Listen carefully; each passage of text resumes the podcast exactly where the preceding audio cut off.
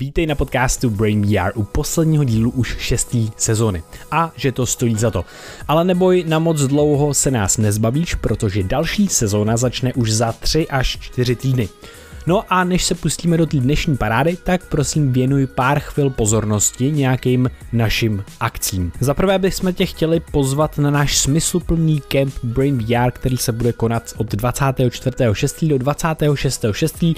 Pro rezervaci a víc info čekni náš web a nebo nám napiš. Na kempy se už nemůžeme dočkat a těšíme se na tebe, tak si rezervuj svoje místo. Druhá věc je ta, že jsou poslední dva dny ve slevě naše kurzy Průvodce mozkem a myslí a mentální modely. Ta sleva je 50% při zadání kódu B2TVA30 na našem webu brainia.org. Ke kurzu máš doživotní přístup a jsou skutečně obsáhlí a kvalitní. A kdyby se ti nelíbily, tak nám napiš a my ti vrátíme tvoje peníze.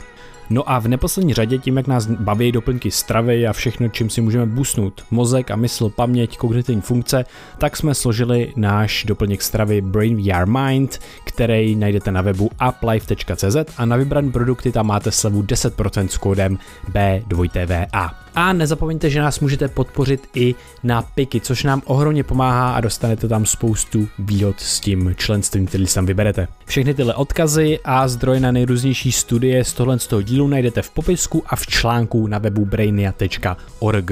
Tak a teď už si užijte poslech tohle z toho dílu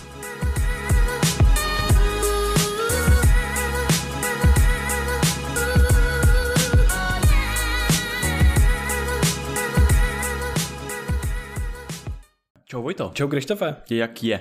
Eh, je, je dobře, je skvěle, protože nás čeká úplně úžasné povídání o zajímavých věc, věcech, takže já už se moc těším na srandy dnešní. No jo, hele, ty už jsi skoro vypil svůj zelený čaj. Jo no.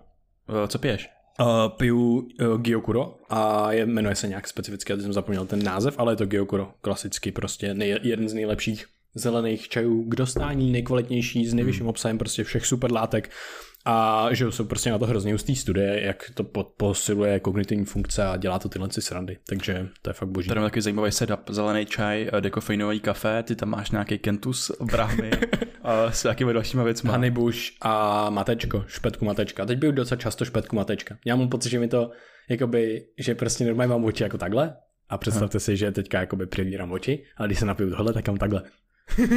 a ty mám úplně otevřený a můžu jakoby koukat a tak. Takže jsi takový junkie. Hrozný žanký. Ale ne, naštěstí to piju jenom trošku. A co jsem zjistil, je hrozně crazy věc. Ne? Mě jakoby otejkají teďka z alergie v oči a je fakt hrozně divný najít, najít to, když tobě otečou oči a prostě máš nateklý trošičku a tyhle ty věci. A teďka jakoby, jak poznáš, jestli jsi jako vlastně unavený, anebo jestli jsi jenom máš alergii. Ona teď ta alergie tě obecně i unavuje, jo? takže ono to nejde moc jako rozlišit právě i v, z tohle důvodu. Ale někdy jsi prostě úplně v pohodě, bezvaně vyspalej, všechno. Jenom ty oči jsou nateklý. Takže já teďka mám hrozně jako zajímavým způsobem jsem si změnil, přerámoval to, co prožívám. A to je to, že hej, ne, nejsem unavený, mám jenom oteklý oči. Takže to znamená, že prostě i když se cítím unaveně kvůli těm očím, tak, tak je blbost. A prostě vlastně mi to dává víc energie. I když můžu být reálně unavený, což je takový jako zvláštní a můžu dělat tím víc věci, ale samozřejmě nepřeháním to a dávám si třeba jako nepy a tyhle ty věci všechny. Mm. V kontextu teďka mým ještě co prožívám, takže to je důležitý fakt jako každý den nep skoro. Best possible mindset. A mě, mě tady připomněl jednu věc. Já bych ti chtěl přečíst jeden citát, mm-hmm. který jsem si čet uh, před dvouma dnama. Mm-hmm. Přečtu Daily Stoic, uh, jakože denní stoik od uh, Ryana Holidaye a tady se mi hrozně líbila jedna věc. A takže cituju Seneku z listů Lucíliovi. Každá emoce je zpočátku slabá, poté se ale probudí a nabírá na síle. Zbrzdit je hned je snažší, než ji následně potlačovat. A Ryan Holiday potom doplňuje ještě uh, slovy Publiuse uh, Syra. ne Publiuse Syra, ale, ale Publiuse Syra. se. A, a ten... nice. Je stoická moudrost, jo? Že, že řeku nejsnáze překročíme u jejího pramene. A mě se to, to hrozně líbí, protože uh, mě každý ráno napadá, že ah, dneska bych se pak podíval na ten třeba telefon po tom probuzení. Ale prostě dneska třeba máš tu vůli a řekneš si, není to, není to big deal. Ale když to uděláš potom ten druhý den a třetí den a čtvrtý den, tak pak se z toho zase stane ta, ta řeka, ta říčka se stane tím Dunajem a ty už ji nepřeplaveš jen tak, že je, je těžký překonat ty svoje jako prvopočáteční emoce, které nekontroluješ. Takže teď si hrozně připomínám ten, ten stoický přístup, jak prostě řešíš ty věci co nejdřív, co přijdou a snažíš se jako neignorovat maličkatý nuance v těch emocích, které potom ti můžou předůst přes hlavu. Jo, jo, hele, tohle je hrozně důležitý. A, a všechny tyhle ty věci, jako já si neustále uvědomuji, jak uh, rychle ty vlastně ty věci, ty m, nějaký jako kazítka třeba toho, že koukneš a budeš potom zvyklý koukat na ten telefon ráno každý den a ono ti to prostě, ten, ten efekt toho je fakt jako výrazný a já už se pozoruju, jak si to jednou dovolím a pak najednou je to lehčí a lehčí a lehčí. A je dobrý vlastně si vytvořit takovou šňůru toho, že prostě na to nekoukáš a najednou na to nekoukáš dva dny, tři dny, čtyři dny a máš to, tu šňůru a ta šňůra tě drží právě a je to ta řeka, o který mluvíš, ta šňůra tě drží u toho, že to neděláš vlastně. Ale potom je druhá věc, kde jednou jednou to najednou uděláš.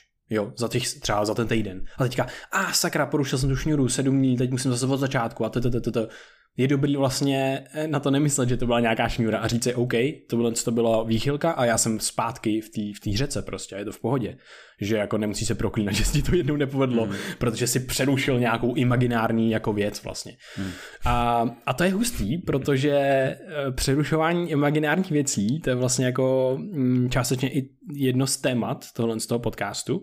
Přerušování imaginárních jo, věcí jo. je jedno z témat toho podcastu. Jo, jo, přesně. Okay. Přesně, přesně.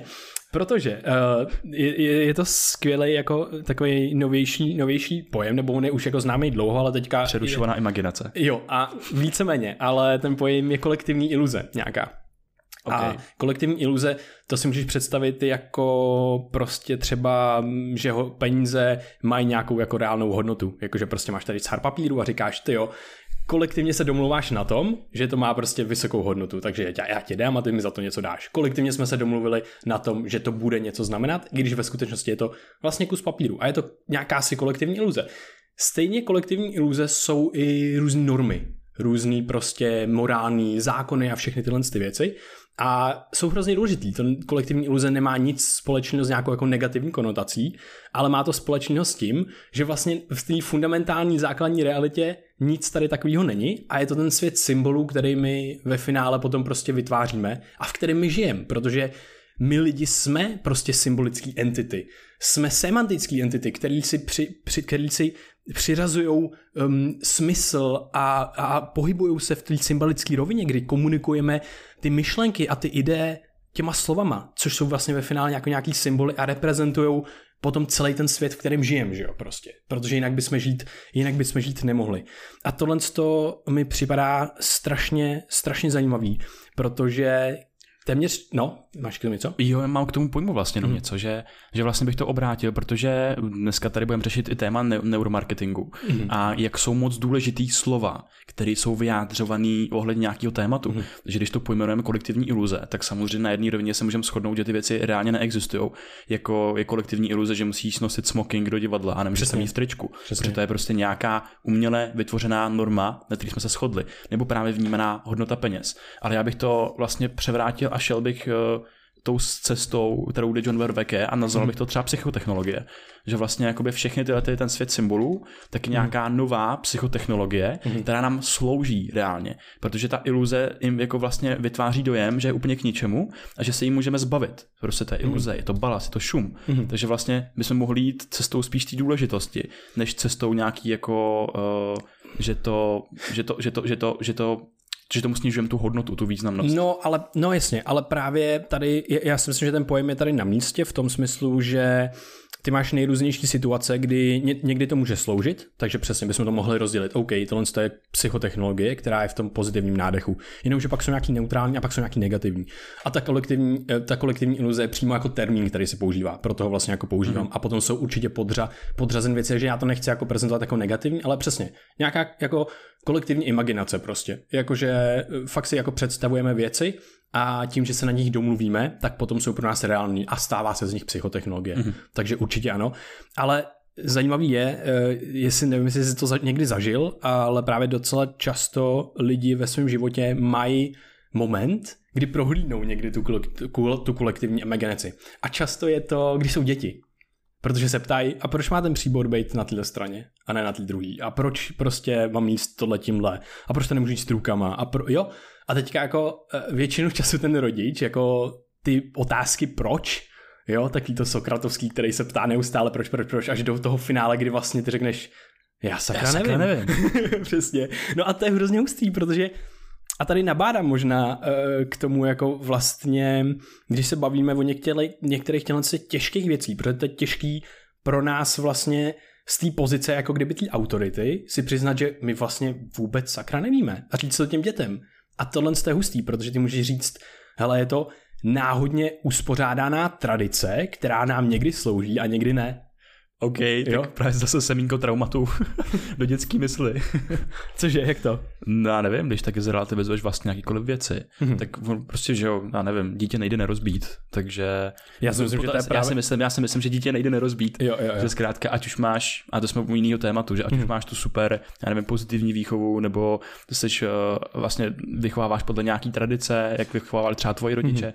cokoliv, tak vždycky tam vznikne nějaký nějaký prostě extrém, který se potom někdy projeví třeba jako nekalým způsobem. Ale pardon, tady jsem to hrozně jako hrozně jsem tam hodil ten pojem trauma, což tady, Jo, jo, jo. tady vůbec neodpovídá tomu. Jo, jo, jo, jo. Takže bych to chtěl vzít zpátky a jenom, že zkrátka, já nevím, tím, že když zrelativizuješ jako jakýkoliv pravidla, že vlastně Mhm. ten naše imaginární imaginární jako svět, který tady tvoříme, tak potom někomu třeba vytváříš jako nástroje na uchopení té reality, který on třeba se tam bude pohybovat hůř, protože mu potom všechno bude připadat jako iluze.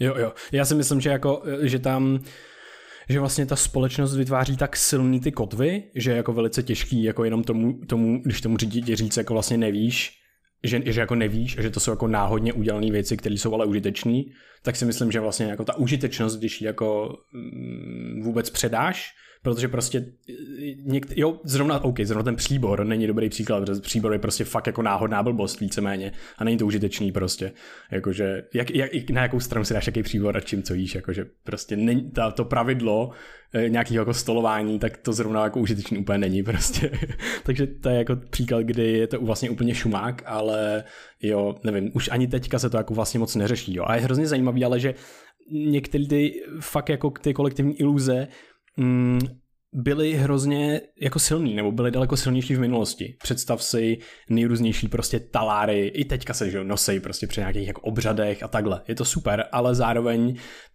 jako většina lidí před těma dvou, 200 lety prostě měla jako od politiků a takových lidí měla prostě ty paruky a všechny tyhle ty věci. A byly to jako jenom symbolické vyjádření nějaký jako aristokra- aristokracie a dalších věcí. A tohle co se drželo jako docela až neintuitivně dlouho, že to tady bylo ještě docela jako vlastně nedávno.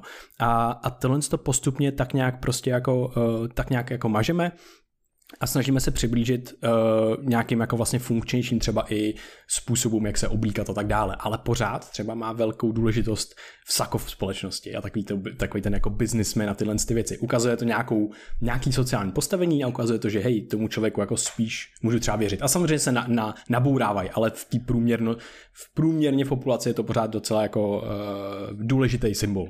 No a co je tím pointem? Eh, Tím pointem je, že tady máme nějakou jako symbolickou, symbolickou povahu věcí, máme tady nějakou jako semantickou síť, chci ti říct jeden zajímavý fen- fenomén k tomu, ta semantická síť jenom je právě síť symbolů a, a, a pojmů, který ty si asociuješ s nejrůznějšíma věcma. Řeknu ti hned příklad, fenomén pekaře a pekaře. Pekaře s velkým P a pekaře s malým P. Když se potkáš nějakého cizího člověka a on ti řekne, že se jmenuje pekař, tedy pekař s velkým P, tak ty máš daleko menší šanci si ho zapamatovat, než když ti řekne, že je, pro, že je povoláním pekař. A to je hrozně krásná reprezentace toho, jak tvůj mozek funguje. Tvůj mozek funguje v té symbolické síti semantický, která dokáže zařadit to povolání pekaře a na, napojit ho na strašně moc dalších věcí. Když to, když to, to příjmení pekař, tak ty nenapojíš na tolik dalších věcí, protože se tě to i hned jako nepro, nezačne propojovat. Ale když řekneš, jo, já peču prostě chleby, jsem pekař, tak najednou wow, č, č, č, máš tam milion věcí. No ale proč, jo? Protože mozek má zase využívá něco, se snaží pracovat efektivně, takže využívá to, co může někdy využít. Takže tam je nějaká funkčnost. Mm-hmm. Když vnímáš nějakou roli někoho, a hlavně roli i ve společnosti, tam může způsobit nějaká, nějaký social status bias, nějaká hierarchie. Takže samozřejmě, že si spíš zapamatuješ někoho, kdo jako pomocí jeho povolání, než pomocí toho, jak se jmenuje. Jo, jo, jo, přesně tak. A tohle je hrozně zajímavý, protože si můžeme k tomu prakticky jako, to je vlastně praktický nástroj, jak se učit nové věci, jak se pamatovat. Prostě dávat do těch širších u nás sematických rovin a, a polí a zároveň to znamená, že hej, já když budu zkoumat nějakou věc a budu se učit ten slovníček toho daného oboru, tak já v něm budu jakoby lepší a lepší. Ta, ta křivka učení se té věci je exponenciální, protože všechno, co si pak přečtu o té dané věci, tak mám propojený už s více věcma. Takže to daleko líp učím a daleko víc mi to dává smysl. To je jenom takový praktický typ, když, když vlastně kdokoliv začíná něco nového, tak je fakt těžký se v tom vyznat, protože nerozumím slovům a nikam mi to nezapadá. A pak najednou, wow, tohle znamená tohle, tohle zapadá tam a tam a tam. Takže to je hrozně ústý. Potom tady, jsou, uh, potom tady jsou další věci a to je uh, třeba to, jak nás ovlivňují eh, ovlivňuje nejrůznější jako priming a teď je to jako jednoduchý priming, kdy vlastně ty, když si přečteš třeba nějakou věc o drzosti, tak pak při frustrujících podmínkách v těch studiích se ukazuje, že ty budeš mít větší tendenci přerušit toho, toho experimentátora, než člověk, který nebyl takhle naprimovaný. No a tohle to všechno můžeš nějakým si způsobem vlastně spojit dohromady a uh, vytvoří se ti nový pojem a je to, ještě, ještě do toho zapojíš jako nějakou vtělenou kognici. To, to ti hned řeknu, co to znamená. E, krásně to reprezentuje jedna studie, kdy vlastně dali lidem teplej a studený nápoj do ruky, oni ho drželi a teďka měli potkávat nějakého nového člověka, cizího člověka, který ho ještě nepotkali. Byla to nějaká sociální skupina, sociální interakce. No a teďka najednou uh, ty lidi, kteří potkávali, byli vždycky úplně totožní, byli to herci, ale jenom ty jiný vlastně eh, účastníci té studie drželi buď studený nápoj nebo teplý nápoj. No a když drželi studený nápoj, tak co myslíš, že se stalo, když potkávali toho člověka? Uh, měli s ním asociovaný spíš negativní pocit než pozitivní. Jo, byli, byli vlastně daleko víc, uh, že jo, angličtině by to bylo warm, jakože welcoming, jakože přívětivý, byli daleko víc odtažitý a měli menší tendenci právě těch sociálních interakcí. Byli daleko, daleko méně před, jakoby, uh, warm. Byl Mean Worm, jo, jo, byl jo, jo, jo, jo. víc. Jo, aha, aha, jo, byli mean, mean Worm, byli prostě odtažit, odtažitější, mm-hmm. méně přívětivý. No a napo, naopak, když někdo držel, držel ten teplý nápoj, tak byli daleko přívětivější. By, doslova byli prostě warm and welcoming, jako úplně, a dávali víc jako, mm, měli víc sociálních interakcí. A tohle je právě krásná reprezentace nějaký jako embodied cognition, nějaký vtělený kognice. To znamená, že to, co cítíš na těle, to, jak se tvoje tělo chová, to, jak ti tluče srdce a všechny tyhle věci ovlivňuje tvojí mysl. A docela jako velkým způsobem, když si uvědomíme, sakra, jenom to, že potkám někoho s teplým nápojem, mi prostě ovlivní to, jestli s ním budu mluvit a jestli budu jako přívětivý nebo ne, tak to je fascinující. A teď si můžeme říct, třeba spoustu lidí chodí po městě, že jo, s tím, s tím prostě si dá to kafe, už teďka je to populárnější a vezme si ho prostě na cestu sebou a teď jdeš s tím obřím kafem prostě teplým a jdeš, že jo. A jak se cítíš? No prostě se cítíš takový jako, jako, je to takový kouzy, je to takový příjemný, že jo, prostě. Já jsem si každý ráno dělal matéčko a dělal jsem se ho do kalabasy. Pak jsem vždycky hrozně trpěl asi 20 minut, než, nebo asi 5 minut, než mi to vychladlo, mm-hmm. že ta nádoba byla hrozně vařící. Mm-hmm. Ale pamatuju si, že jsem s tím chodil a jak jsem to z toho usrkával, tak jsem si připadal hrozně dobře mezi lidma a smál jsem se na ně a oni se smáli na mě. To byl takový hrozně hezký rána na Jiřáku. Mm-hmm. Tak, uh Teď bych do toho zapojil uh, poslední věc téhle skládánky, než představím tenhle nový pojem, který mě tak strašně ohromil a proč tady o všem mluvím. Um, máme určitou, určitou sílu právě i uh, toho, jak nám mění kognici oblečení. Když někdo se oblíkne do černý, tak... Že, že, že, že oblečení jako ovlivňuje náladu a mm-hmm. nějaký jako vnímání světa? Jo, přesně tak, ale teďka je to, teďka to první, co chci prezentovat, tak jsou studie, které ovlivňují to, eh, jak, jak, jo, přesně, jakože někdo se oblíkne do černý a bylo to třeba u nějakého sportovního týmu NFL, prostě fotbalové ligy v Americe, když byli v černý, tak dělali víc faulů, a ještě lidi jim ty fauly víc pískali. Že to bylo, ukázalo se, že to je obr, o obou straná rovina. Jo? Že ty, ty, ty lidi v černém vnímáš víc agresivně a ještě oni dělají víc faulů. Takže to jsou jako dvě roviny. Takže prostě už víme, že teda žijeme v té nějaký symbolické rovině, semantický, že e, je silný oblečení, že jsou silný symboly v naší společnosti a že můžeme se naprajmovat a můžeme mít nějakou jako vtělenou kognici. No a e, někdo dělal různé jako experimenty právě s tím, jak nás ovlivňuje oblečení, ale e, Hadjo Adam a Galinsky v roce 2012 si řekli, že jim to nestačí, protože mm, to nereprezentovalo úplně až takovou sílu, kterou vnímali, že to oblečení má a představili pojem, který se jmenuje Enclothed Cognition. A je to přesně jako, jako kdyby oblečená kognice. No a co vlastně našli, bylo strašně fascinující, protože nejenom, že to ovlivňuje, jak vnímáš lidi, kteří jsou různě oblečení, ale přímo to, jak ty seš oblečený, tak se ti propojují symboly, které máš s tím oblečením asociovaný, s nějakým primingem, plus ještě s tou vtělenou kognicí. Takže je to jako kdyby vtělená kognice přejatá na oblečení, který nosíš. No a tady to eh, krásně zase reprezentují nejrůznější experimenty a jeden z nejfascinujících Úplně nejvíc fascinujících experimentů je experiment, kdy dávali, rozdělili tři do, lidi do třech skupin a všem třem skupinám dali úplně totožný bílej plášť. První skupině řekli, a, ty si ho oblíkli, první skupině řekli, že tenhle bílej plášť je plášť vědecký, nějaký laboratorní vědecký plášť. Druhý, ne, doktorský, pardon, doktorský to byl. Druhý skupině řekli, že to je malířský plášť, že, a byl úplně stejný, ale prostě je to malířský plášť. A třetí skupině tý dali úlohu. Tý dali úlohu, že měli napsat, řekli jim, tohle je medicínský plášť, můžete si ho oblít, můžete toho tady mít a napište o něm esej, co asi je asociovaný s tím pláštěm, jak asi se musí člověk cítit v tom plášti, to, to, to, co asi dělat a tak dále, že psali asi o nějakým doktorovi a tak. A potom všechny tři skupiny jim dali jeden test. Ten test se jmenuje Stroop test. Je to velice známý test a spočívá v tom, že čteš postupně uh, názvy barev, ale ty názvy barev, to jak je to natisklý, tak je to určitýma barvama. To znamená, čteš třeba modrou, ale je to natisklý červenou. A jestli někdo tenhle test dělal, je to fakt známý, myslím, že jako hodně lidí si ho vyzkoušelo, tak, tak zjistíš, že to není prdel a že se budeš, když chceš dělat rychle, což tam ten test tom spočívá, tak ty budeš dělat chyby a je to téměř nevyhnutelný, je to fakt jako těžký uh, neustále číst a pořád to překlipkávat a pak ti to nejde, úplně to trvá, ten mozek fakt to nedává prostě. No a co se ukázalo? Ukázal se fascinující věc, ty lidi, kteří měli eh, vnímali, že mají oblečení toho doktora, ten, ten, ten plášť toho doktora, tak dělali o 50% méně chyb, než ten člověk, který dělal, eh, který si myslel, že to je jenom malířský, jenom malířský plášť. What? Jo, 50%, What? polovinu méně errorů. A uh, o trošku, o trošku méně errorů, že tady chtěli ukázat, že vlastně je to, je to škála, protože i ty lidi, kteří měli pouze, kteří se pouze naprimovali, nebyli v tom oblečení, jenom psali o tom esej a měli vedle ten plášť, tak taky dělali méně erorů, ale nebylo to rozhodně tak silný jako člověk, který si to oblíknul.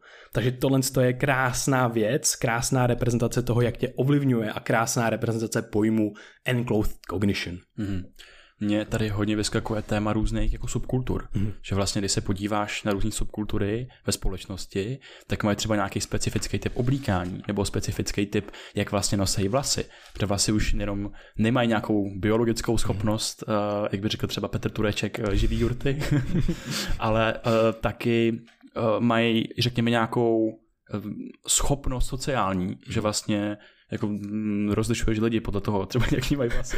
Takže ty za chvíli máš dobře naběhnuto se stát členem další jako subkultury. Jo, ty no, a teď jako, jaký to bude, jestli to bude, no, to je no.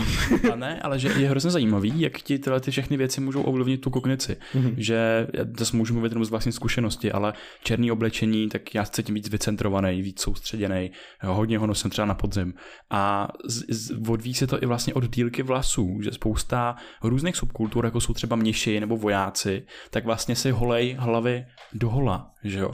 A hmm. protože prostě vlasy v té historii, tak mají nějaký ten historický symbol, nějaký jako volnosti, nějaký nevázanosti, nespoutanosti, že jo, vem se prostě hippíky v 60. letech nebo surfaře, jo, hmm. prostě hmm. Uh, vléš, vlájou ti vlasy ve větru a ty cítíš ten závan té svobody. Vlastně oproti, na, na té opačné straně toho, když tam máš ten řád a tu disciplínu. Hmm. Že tohle mě fascinuje, že se to reflektuje v té embodied, v té vtělené mm-hmm. kognici. Mm-hmm. Co tam máš dál, Vojto? Řekl bys mi o milně přesouzeném zrušení? Jo, hele, to je další, další bomba. Takže teď jsme tady probali tu Enclosed Cognition krásně, máme to hezky, hezky zarámovaný. Já jsem chtěl říct jenom, jenom ještě k tomu dodat poslední kratoučkou studii, ještě zajímavého efektu. A to je asi jako, nevím, jestli to je hned jasný na první dobrou, ale když už jsem jako to zkoumal hloubš, tak jsem zjistil, hej, to je jako úplně, úplně jasný. Ale každopádně dali eh, test matematickým mužům a ženám, a oblíkli je do plavek. No a ukázalo se, že ženy v plavkách, byly to konkrétně jedno, jednodílné plavky, no tak ten test byl o jako signifikantně hodně horší eh, výsledky než ženy, které byly normálně oblečeny ve svetru a tak dále a tak dále. Porovnávali, porovnávali ženy, v plav, ženy v plavkách s ženama normálně oblečenýma a potom porovnávali muže v plavkách s mužema normálně oblečenýma. A bylo zajímavé, že na muže to nemělo takový efekt muži v plavkách si vedli v tom matematickém testu uh, pořád hůř, než byli oblečeni normálně, ale u těch žen to byl daleko signifikantně velký větší rozdíl. Wow, a čím myslíš, že by to mohlo být způsobené? No myslím si, že uh, ti to ovlivňuje hodně kognici, protože ty máš, že jo, to je přesně, je to kombinace zase embodied cognition, symbolická povaha věcí a semantická síť, oblečeš si plavky kam jdeš, jdu na pláž, jdu chillit, jdu si dát drink, jdu se opalovat, něco, něco, něco nemáš asociovaný úplně plážový v oblečení, beach volejbal, beach, beach volejbal a drink s matematickýma vědeckýma schopnostma. Takže uh, jakoby nebudeš úplně vnímat, je to to samé, jako když prostě řekneš někomu, že jim by jim to nemělo jít, hele, tenhle test, tohle je jenom klukům a ne holkám. Co se stane? Holkám to bude míň v podstatě stejně primuješ ty lidi, ale primuješ je ještě silnějším způsobem, protože si tu věc oblečou na sebe. Hlavně to mě tady vyskakuje takové jako ta síla toho kontextu, že uh, každý posluchač možná zná, když někam přijde nedostatečně oblečený a najednou přesně ti řekne, no tady mám nějakou party nebo tady prostě jdem na nějakou akci, tak tam přijdeš a máš tenisky a máš tričko, který prostě se dva dny nepral a prostě najednou už no jdeš do divadla, víš co. A ty vole, jakže přijdeš do divadla, všichni v tom smokingu, mm-hmm. naleštěný, fakt special, echt, fancy, poš akce a ty tam seš prostě takovej uh, odrhel v nějakých mm-hmm. věcech, tak samozřejmě, že ti to ubírá ty kognitivní kapacity, mm-hmm. protože mega investuješ do toho, co si o tobě ostatní myslej a, a tak dál. Jo, jo, a Já přem... to zažívám docela často. nice, nice. Snažím se mít. crazy, crazy. Tak jo, hele, eh, ty se mě ptal na uh, další, další věc a to je a to milně... bylo milně přesouzené vzrušení. Jo, přesně tak. V nějakém roce 1980 eh, něco, teď si nepamatuju přesně rok, udělali fascinující experiment a Právě to má co dočinění trošku s tímhle s tím. Už máme hezky, uh, hezky jako tak nějak pojmenovanou tu vtělenou kognici. No a co tady udělali? Tahle studie se jmenuje Capilano Bridge Study. Capilano most je most v uh, Kanadě, který je fakt hodně vysoký. Máš pod sebou šutry, máš pod sebou vodu, je to crazy. Je to vysutý most, který je brutálně uzoučkej. Jakože téměř jako jo, dva lidi se tam uh, kolem sebe protáhnou, ale těsně a je takový jako kejvající se docela a tak, jako ne, je to prostě jdeš tam a jsi jako scared as fuck. A ten most je tak vysoký, že by šahal na ramena uh, té Eiffelovky. Uh, takže to je tak. Ramena ne, ne, so, ne, Sochy svobody myslíš? Ne, jo, Sochy svobody. To je taky z Francie, taky z Francie. Eh, ramena Sochy svobody. takže... na bombenou v té Francii. ne, asi. No a teď udělej, to je prostě ty tak strašně baví, jak jako ten design té studie, co jako nevymyslíš, jo. Hmm. A je to hustý, že vlastně fakt eh, musíš mít nějakou, ta, nějakou takovouhle přímo možnost to udělat, protože mm, jako horko, jako jo, asi nejdeš scary nějaký místa na planetě. hodně vysoký most. Hodně vysoký most, přesně. No a takže víme, že máme most, který nám asi pravděpodobně trošičku roztučí srdce a budeme trošku jako vzrušený a máme mít trošku strach z toho. Jo? No a teďka co udělali? Eh, ty, ty, ty v té studii, tak vzali nějakou herečku nebo, nebo ta, ta účastnice, ne účastnice té studie, ale ta, co byla součástí studie a poslali ji na ten most oproti účastníků té studie. Potkali se někde ve prostřed, tam, kde to bylo nejvíc scary shit, a uh, ona ho poprosila o nějaký, o nějaký jako dotazník. Takže prostě něco tam vyplňovali a potom mu řekla, že pokud to chtějí jako dořešit, takže mu dá číslo a že jí může zavolat uh, někdy večer, že to spolu jako dořešejí, pohoda, kdyby chtěl jako nějaký detaily nebo něco takového. No, takže to byla jako jedna část té studie. A tohle to by nebylo v ničem zajímavý, protože my nemáme žádnou kontrolu. A jak sakra uděláš kontrolu, když máš prostě most, který je scary, tak co potřebuješ? Potřebuješ most, stejný nějaký most, podobný, ale ne, aby byl tak vratký, aby byl tak vysoký. Takže vezmeš nějaký normální, širší, prostě dřevěný most a, a uděláš úplně to samý. Pošleš prostě člověka, účastníka toho studie, dáš tam ženu, byla jako prostě jako nebyla, že byla nějaká jako sličná, že byla nějaká jako hezčí ta žena, taky mimochodem, to je docela důležitý. A uh, udělali úplně to samý, znova mu řekla, tady máš číslo a můžeš se mi ozvat, do, dořešíme to prostě soukromně večer, to, ty, tu, tu studii. No a teď přišly výsledky a ty výsledky jsou úplně fascinující. Ty, co byly na tom mostě, který byl hodně scary, tak co myslíš, že se stalo? Ty to asi možná víš, ale co se stalo? No tak byli fakt jako štěstím bez sebe, že někoho takového potkali. Jo, byli. Na 50% těchto z těch lidí zavolalo o detaily a chtěli to dořešit dál, kdežto pouze 12,5% na tom mostě, který nebyl scary. Na tom normálním mostě, který byl... Ještě jedno, kolik to bylo procent? 50 a 12,5. A 12, hmm. jo, myslím, jo, jo, 50% a 12,5%. No a to je docela velký rozdíl, že jo. 90, téměř 90% na tom mostě, který byl bezpečný, se neozvalo, ale 50% se ozvalo na mostě, a byli ty chlapci single? Byla tam nějaká to nevím, takováhle, ne, nevím, takováhle ne, condition? Nepamatuju si, jestli to bylo, jestli to bylo podměn, ale rozhodně jako to tam zahrnuli, jestli jakože dali stejnou populaci prostě. Jo. Uh, tak a teďka čím to sakra může být? No a ukazuje se strašně zajímavá věc, ty máš nějakou, uh, nějaký, můžeš mít nějaký stimul, který ti spustí nějaký procesy v tom organismu, fyziologické změny. Začneš třeba víc dechat, začne právě ti být víc srdce, seš víc v sympatiku a tak dále. No a ty máš prostě strach z toho, z toho mostu. No a právě tenhle ten efekt toho milně přisouzeného vzrušení ti způsobí to, že tvůj organismus a mysl je propojená, ale ty přesně nevíš zdroj toho vzrušení. A ty můžeš hodně jednoduše přisoudit zdroj toho vzrušení nevědomě tý slečně a to ti bije srdce víc jenom díky tomu mostu. A přitom prostě se stane takováhle strašně fascinující věc. Takže tady to má hned několik zajímavých implikací. Za prvé, když jdeme na první rande, tak aby jsme byli méně zkreslený, tak si můžeme prostě nedat ten kofein a nedat to kafe. Ale pokud chceme, aby jsme měli větší pravděpodobnost, že se někomu líbíme, no tak mu místo espressa koupíme triple espresso. Nebo něco takového, víš co, jakože přeháním, ale jako jo, jít na první rande, na kafe a je zajímavý, že lidi to dělají automaticky. Lidi prostě chodějí se opít nebo jít na kafe nebo něco, něco, něco. To je prostě fascinující. Že, jakby konstantně vlastně vyhledáváš ten změněný stav vědomí, jo. který tě vy, vytrhne z toho normálu a vlastně potom máš jako nějaký jako vlastně extrémní typy chování, který hmm. v nějakém normálním defaultu tak nemáš. Jo, jo. A je fakt hustý, že vlastně já nevím, jako jestli to zažili, ale prostě mi přijde, že fakt je příjemný a jednodušší jít na to kafe a, a dát si nějaký takový jako stimulant v uvozovkách. Prostě je ti příjemnější potom s tím člověkem. A teďka ty si myslíš, hej jo, s tím člověkem je fakt dobře, my jsme si fakt hezky popovídali, tohle, tohle, tohle. No jenže prostě ty nemáš tu kontrolu, že? Ty nevíš, jaký by to bylo bez toho kafe. A pravděpodobně by to bylo trošku jiný. A pravděpodobně jsi to hodnotil malinko jinak. A tohle je, mít, je dobrý mít na paměti. A samozřejmě tohle není jediný experiment, který se udělal. Udělali další experiment. A to bylo s elektrickýma šokama, jo. To bylo hrozně hustý. Pozvali, pozvali vždycky dva účastníky. A jeden byl, v té studii byli všichni heterosexuálové a pozvali tam muže a ženu. Ten muž a žena si měli sednout někde v jedné místnosti a měli si hodit, hodit mincí. No a když padne jedna strana, tak eh, v té studii měli dostat malinký elektrický šok, který byl takový jako pošimrání. Jenomže ta druhá strana, ty, ty, ty vědci jim řekli, ty výzkumníci řekli, že dostanou mega bolestivý elektrický šok. Fakt jakože hodně, hodně bolestivý. Ve skutečnosti se nic takového nedělo. Oni nedostávali žádný elektrický šok, ale ta pravá studie se děla, děla právě v tuhle chvíli.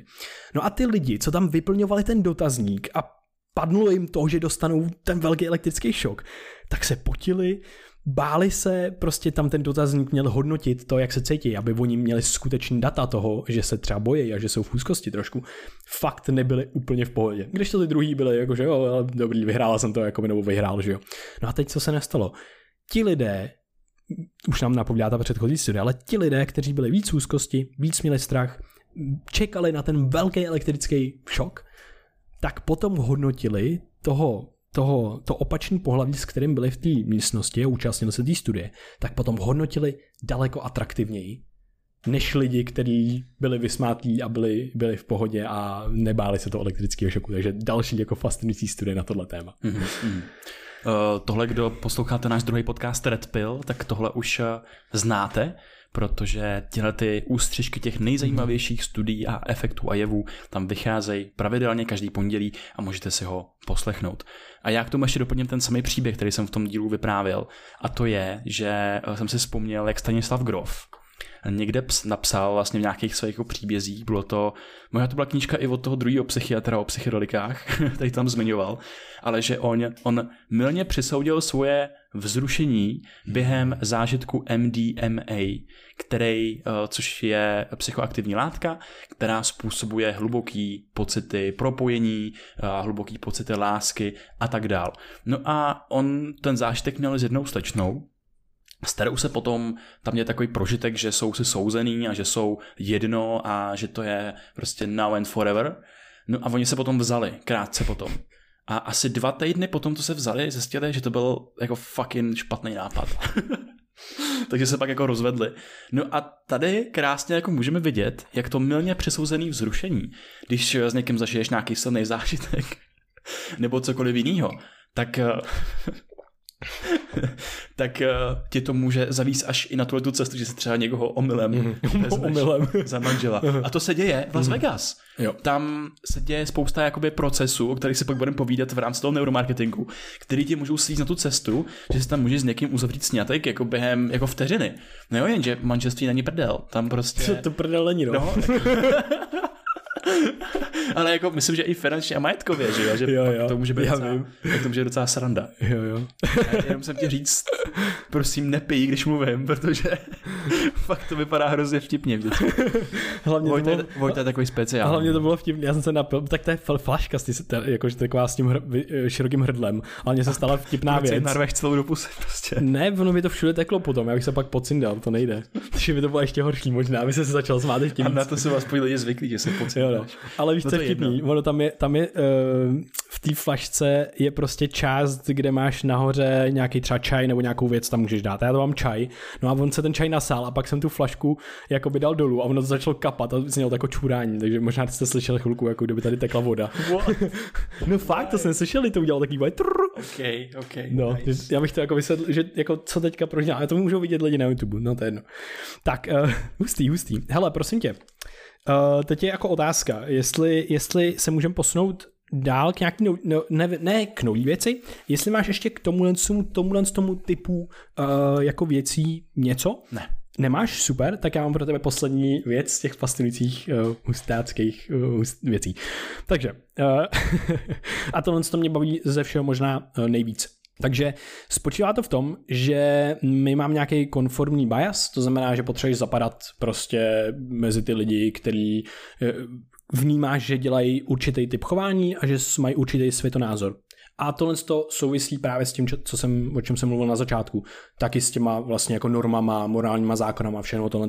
Potřebuješ mít něco takového, aby zapadal do té společnosti, protože prostě jsme nejzranitelnější druh, kdyby nás někdo vy, vy, vystrčil, tak prostě pravděpodobně máme větší šanci, že zem, zemřeme. Víme ty evoluční prostě eh, základy tohohle z toho.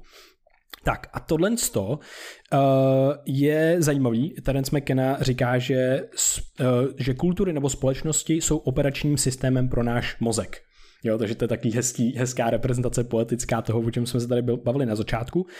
A tohle to potom eh, vede k zajímavé věci, uh, a to je, že vlastně ty nedáváš úplně najevo, v tom ideálním světě bys ty svoje, ten svůj vnitřní svět dával najevo úplně do toho vnějšího světa.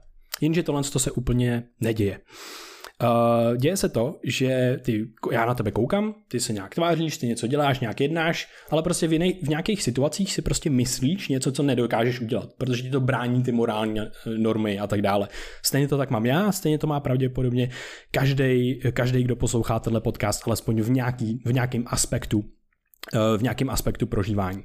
No a tady přichází jedna zajímavá věc, Představ si situaci, máš eh, matematickou, máš prostě třídu, máte matematiku, máš nějakou profesorku, ona něco vypráví a něco počítáte a pak se zeptá, má někdo nějaký dotaz? Chápete, tenhle, ten, chápete tuhle tu problematiku? Nebo prostě potřebuje někdo pomoct něco? Totálně safe, prostě všechno. No ale když je to ne až tak blízká třeba třída, může to být na univerzitě, kde si ty lidi tak neznají a možná to znáš z našich přednášek na přírodovědě, kde já jsem měl spoustě, s mnohokrát, myslím, každý to zná, mnohokrát jsem chtěl zvednout ruku, ale v té přednášku v místnosti 100-200 lidí. Je tam hrozný To tlak, je že hodně velký, hmm. hodně velký problém. Teď se stane strašně fascinující věc. Ty nezvedneš ruku, protože nikdo nezvedá ruku. Protože prostě si myslíš, sakra, tak já zvednu ruku, když nevím, tak to je blbost, protože nikdo nezvedá ruku. Je to velký tlak, přesně jak říkáš. No a je hustý to, že máš velkou pravděpodobnost, že třeba dalších 30, 40, 50, možná i většina lidí by potřebovala taky zvednout ruku. Taky tomu třeba nerozumí. A to se dokonce ukazuje, to jsou prostě prokázané věci ve studiích. No a tomu tomu se říká pluralistická ignorance. A znamená to to, že většina lidí si myslí, že většina lidí má nějaké přesvědčení, ale je to, není to tak, má nějaký jiný přesvědčení. Takže prostě řekněme, že ty máš nějaký, nějaký, myslíš si, že vlastně jsi jediný v té společnosti, který sakra nikdo nezvedá ruku, tak já jsem jediný ten hloupej. Takže ty si milně myslíš, že všichni jsou na tom daleko líp než ty. Ale opak je pravdou, mnoho lidí to má spo- v nějakých situacích a v nějakých přesvědčeních a tak dále, má to velice podobně jako ty. A tohle je zajímavé, protože najednou my se dostáváme do tady těch jako ignorantských pozic a oni se sami sebe podporují, protože kvůli tomu konformnímu biasu. Teď se to ještě amplifikuje daleko, daleko víc díky sociálním sítím a dalším věcem třeba. A zase některé ty vlastně aspekty to rozbíjí zároveň, OK, to je pravda. A co je na tom zajímavé, je, že to má dost velký dopady na to, jak se ti bude dařit v životě. Protože talent ta pluralistická ignorance se nepřenese jenom mezi těma žákama. Co se stane? Ta učitelka si začne myslet, ty jo, já mám tak chytrou třídu. To je mega hustý, nikdo nezved ruku. Taková těžká látka. a najednou ona žije v té pluralistické ignoranci taky. A tohle je fascinující, tohle se šíří jako virus po celé společnosti a uh, jsou tady jako fascinující studie, které tohle to dělají. A je to 1993 studi- studie na Princetonu a bylo to o alcohol consumption, protože na Princetonu byl, nevím, jestli to stále, jestli to stále platí, ale byl takový zvyk, že prostě se tam hodně, hodně pije. Dokonce tam bylo... Takový zvyk. No ale fakt, dobrý. jakože prostě mm, tam se pije prej nejvíc, uh, nebo bylo minimálně, jakože druhá největší picí akce v celé Americe, po nějaký prostě, já nevím, nějaký ještě jiný picí akci, která je uh, celo jako rep- republiková, celostátní. No a když tam přišli ty noví studenti, tak prostě to bylo hodně náročné, protože na ně byl ten tlak, že musí pít a teda a teda a teda, prostě ta kultura tam takováhle byla. No a to je perfektní událost pro nějaký sociální experimenty, že oni si, oni si pozvali ty studenty a začali se jich ptát, no, eh, tak vy jste teďka tady noví a jak zvládáte tu, jako, tu picí kulturu tady, jak s tím jste v pohodě a takhle. Prostě jim dali dotazníky a oni vlastně jako soukromně řekli, hele, nejsem s tím moc v pohodě. Jako je to fakt hodně pití a jako neděláme to dobře, prostě tohle, tohle, tohle, radši bych byl prostě míň, nejsem s tím v pohodě. A potom, když se jich zeptali, no a jak, hodnotíte ostatní? Jak si myslíte, že ostatní jsou s tím v pohodě? Naprostá změna. Všichni si mysleli, no ale v ostatní vypadají dost v pohodě, takže jako asi jim to tak tolik nevadí, jo.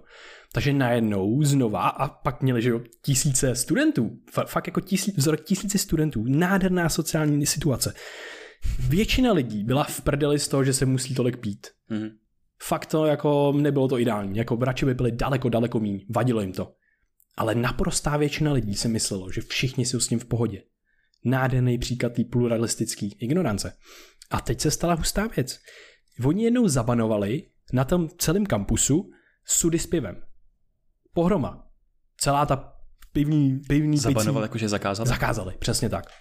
A teďka najednou prostě někdo, nějaký jako lidi se za to jako začali prostě protestovat, zbouřili se, bylo to ve zprávách, bylo to všude a tak dále. Teď si řekli, ty jo, strašně dobrá příležitost udělat další studie. No a oni si mysleli, oni si mysleli, že teda když to jako zabanujou, takže to je super, že vlastně ty nikdo nebude moc protestovat, protože že jo, proč by protestovali, když všichni jsou s tím vlastně v pohodě. No a ukázala se fascinující věc. Těch pár lidí, co protestovalo, tak ty lidi, kteří dělali ty dotazníky ty studenti, kterým to vadilo, tak říkali, hele, to je, to je hrozný, já se cítím jako ještě hůř, protože já se cítím odstrčený a izolovaný. A to je fascinující, protože byla malinká skupina lidí, která protestovala. Naprostá většina s tím moc nesouhlasila, nebyla s tím v pohodě. Ukázalo se, že taky někteří, i ti, i ti, co s tím nebyli v pohodě, tak se ukázalo, že protestovali. Protože chtěli zapadnout do těch jako lidí, že jo, samozřejmě, fascinující. No a teďka výsledky těchto z těch věcí jsou vlastně trošičku smutné a to je to, že naprostá většina lidí byli přesvědčení o tom samém. Hele, je to v pohodě, že tady to je zabanovaný, že to je zakázaný a konečně budeme pít míň. No a stalo se to, že oni vnímali sami sebe jako sociálně trošičku izolovaný, měli tendenci míň se stýkat s ostatníma, míň chodit na nějaký jako reunions, nějaký společný setkání a, a takovéhle věci. A je hustý, že wow, ty lidi, kterých je většina a mohli by se skvěle sedít a mohli by být vibovat, protože by pili všichni míň, tak se cítí odstrčený a izolovaný. A teďka wow, tohle je ta pluralistická ignorance, která ovlivňuje potom i mentální zdraví, ten sociální život, všechny tyhle ty věci. A je to vlastně, je to vlastně hustý. A tohle je další typ tý vlastně nějaký jako kolektivní iluze. Prostě a, a to, to si myslím, že je dobré si připomínat, že některé přesvědčení, co máme, že jsme v tom sami, tak pravděpodobně existuje spoustu lidí, kteří si myslí, že to jsou, jsou v tom taky sami. Mm-hmm. A ukazuje se ve studii, že celá společnost se potom drží v takové bublině toho, co se může, nemůže, a kdo jak vypadá a co si myslí a tak dále. A je zajímavý, že vlastně tohle celý vede k tomu, že celá ta společnost si myslí, že by měla být méně progresivní, nebo měly by ukazovat, že jsou méně progresivní, než ve skutečnosti jsou a vede to k nějakému většímu konzervatismu.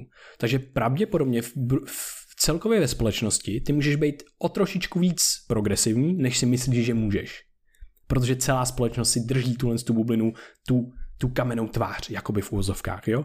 A tohle je strašně zajímavý. Proto je podle mě v dnešní době strašně silný jít s tou kůží na trh a říct tam, hele, já si myslím tohle, já jsem takovej, takovej, takovej, protože spoustu lidí, co se stalo nám, hele, já, já se zajímám taky o tyhle věci divný, co se zajímáte vy třeba, ale já nemám nikoho kolem sebe. A já jsem zažil to samý. Já jsem zažil, když jsem vystrčil ty růžky, tak najednou lidi, kteří jsem znal celý život, se ozvali, hele, já jsem nevěděl, že tohle řešíš, já to, mě to taky baví. A já říkám, VTF, já jsem nevěděl, že tohle řešíš.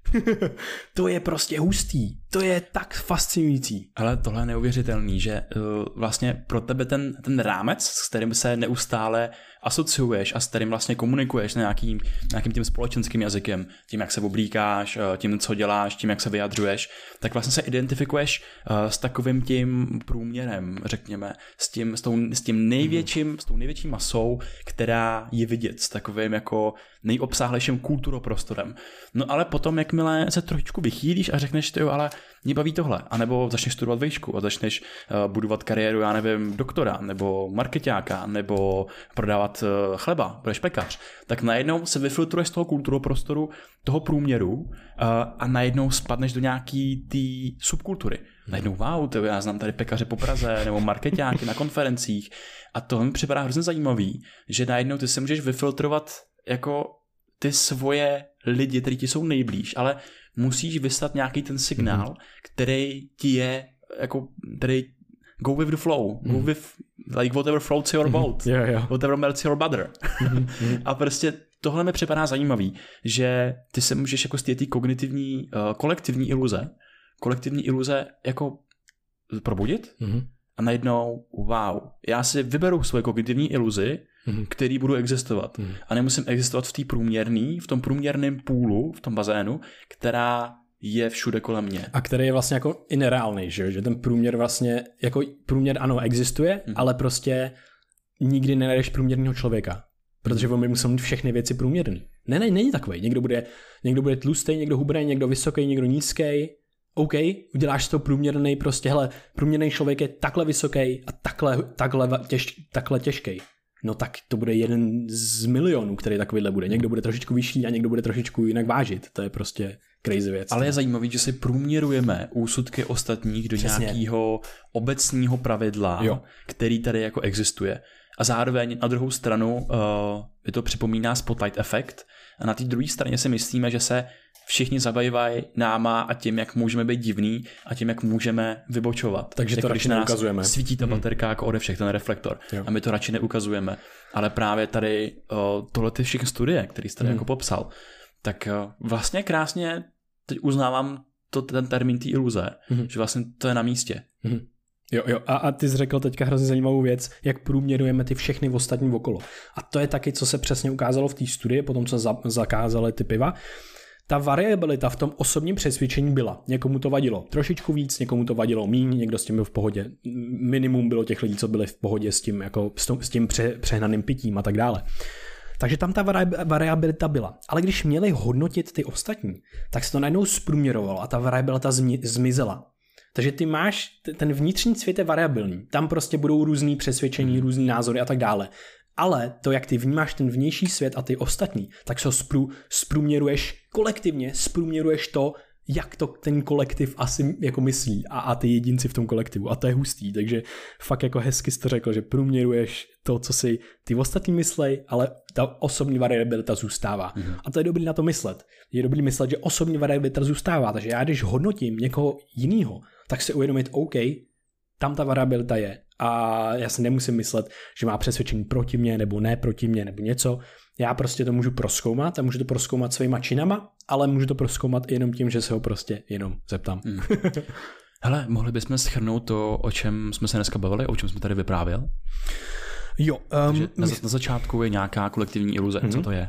Hele, je to, je to svět víceméně svět symbolů, svět uh, nějakých užitečných i právě psychotechnologií, které využíváme a některých věcí, které jsou vlastně úplně zbytečný a dostáváme se do nějakých klamů naší mysli, kdy jsme přesvědčení, že někdo něco myslí a že to repre- nebo někdo se chová nějak a že to přesně reprezentuje to, co si myslí, ale ve skutečnosti si jako stádově, většinově myslíme, že ta, ta většina má nějaký názor, ale ukazuje se, že uh, dost často v některých situacích jsou si nám lidi bližší, než si myslíme a že taky mají problém s tím, co máme problém my. To je tohle, tahle část a pak ta druhá část byla krásně, krásný to, to, to, to oblečení vlastně hlavně, který nám mění uh, tu naši mysl. Že to ob, oblečená kognice. Oblečená kognice a třetí věc byla milně přisouzený vzrušení jak vlastně uh, tvoje fyziologie, tvůj organismus, tvoje biologie, jak ti tluče srdce a tak dále ovlivňuje tvůj mysl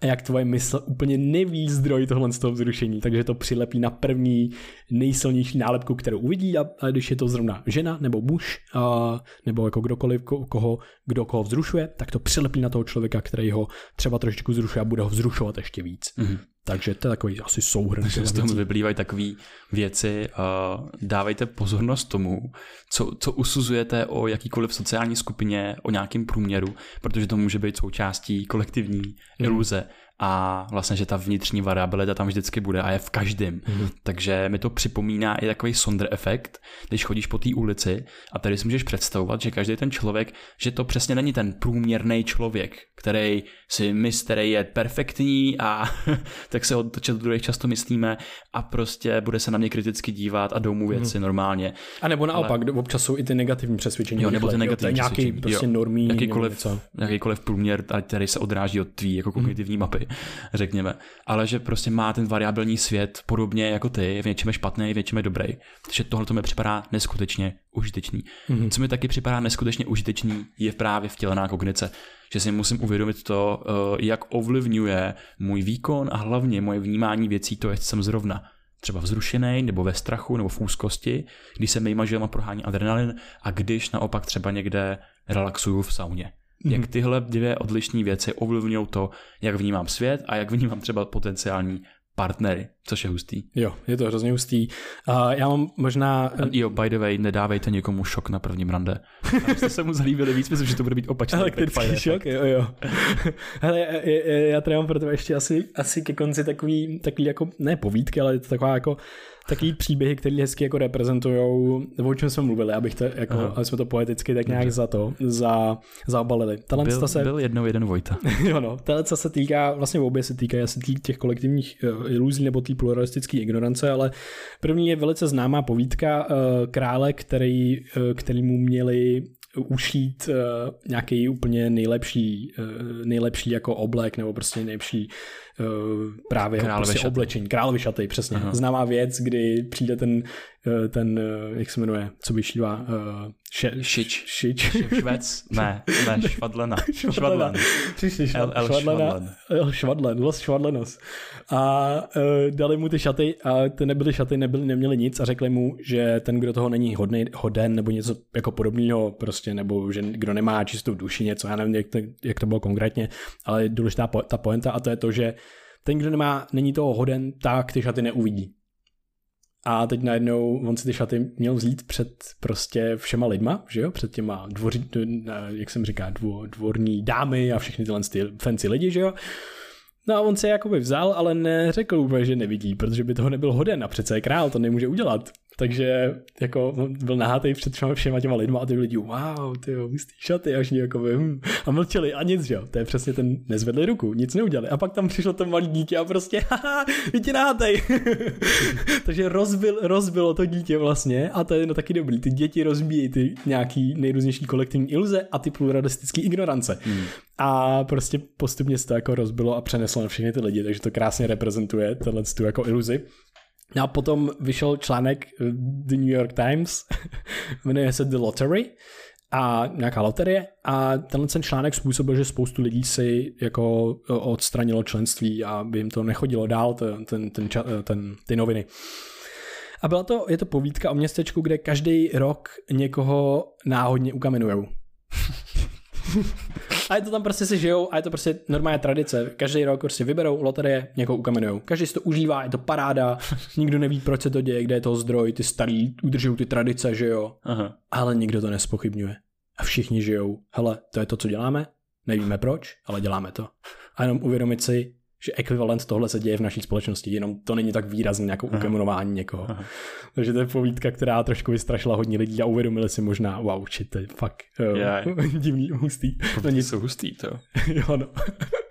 no, takže tak, takže takovýhle zajímavý věci Aha. a to je Zase jenom připomenu tu jednu, uh, ten experiment, kde, už nevím, kde to bylo, a my jsme to zmiňovali už v nějakém podcastu, jak uh, přijdou lidi, ty účastníci z té studie do nějaké místnosti, kde se sedí a oni tam jako čekají, teprve čekají na tu studii, ale tam probíhá ta reálná studie. Aha.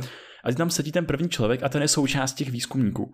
No a je zajímavý, že tam přijde ten první člověk, sedne se vedle na tu židli, ten židlí tam je asi 10, a on se ozve synkrotní na zvoneček. A ten člověk se stoupne, ten experimentátor.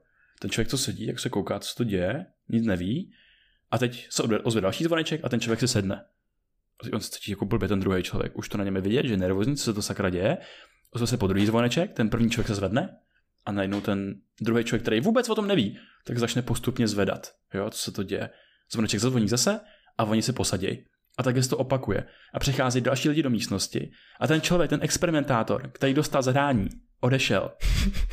A tenhle efekt se kopíroval člověk po člověku, který tam přicházel a nikdo z nich nevěděl, co dělají. A ten, to video, to experimentu končí tím, jak tam sedí ta poslední jako uh, slečna. Je tam sama, že? Je tam sama a sedí se hrozně divně, ale stoupá si a sedá si. Na zvoneček. Stoupá si a sedá To je si. bizár. A vůbec neví, proč to dělá. To je ono, no. Takže to, to je jako hrozně zajímavý.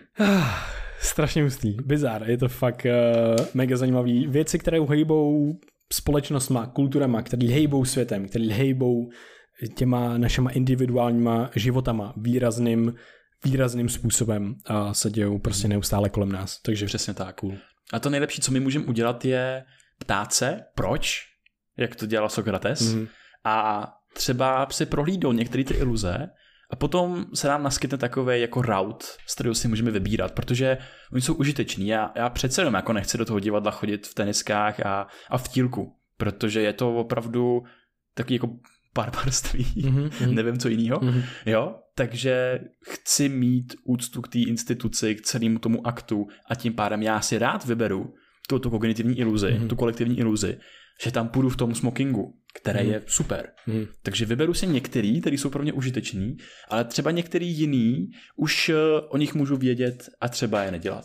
Jo, a, a taky je- jeden fenomén, co se děje, je, že občas eh, některý ty mm, ten náš vnitřní svět někdy by nás třeba vnímáme, že strapnil, kdyby jsme ho projevili úplně a snížili bychom se na tom sociálním statutu, tak existuje takový fenomén, kdy politici v Americe, speciálně to byly jako případy, které to hezky ilustrují, byli naprosto anti-gay prostě. Byli jako zakázat tohle, tohle, tohle. No a ukázalo se, že sami byli uh, gayové mm.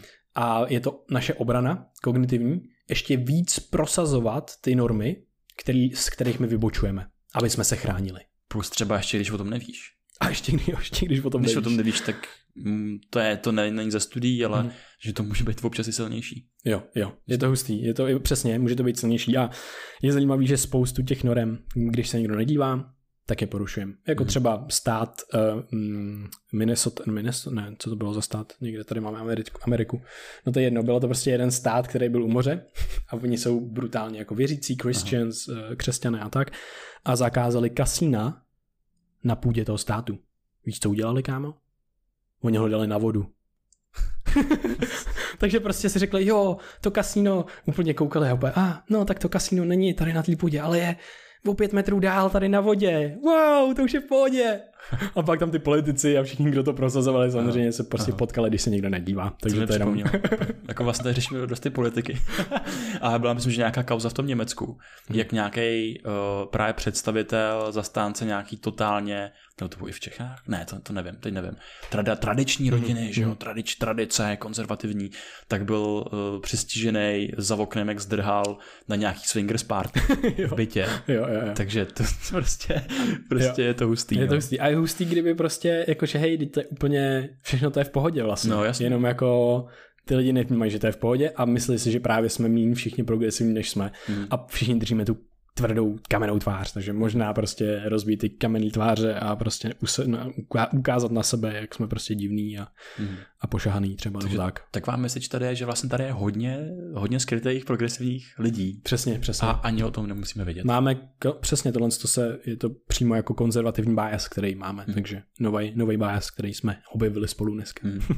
no tak jo, já jsem tady lidi trošičku nalákal na neuromarketing, ale já myslím, že ho rozebereme někdy příště. Jasně. Protože to je hodně zajímavé zajímavý téma, který si zaslouží pozornost samo i o sobě. Mm-hmm.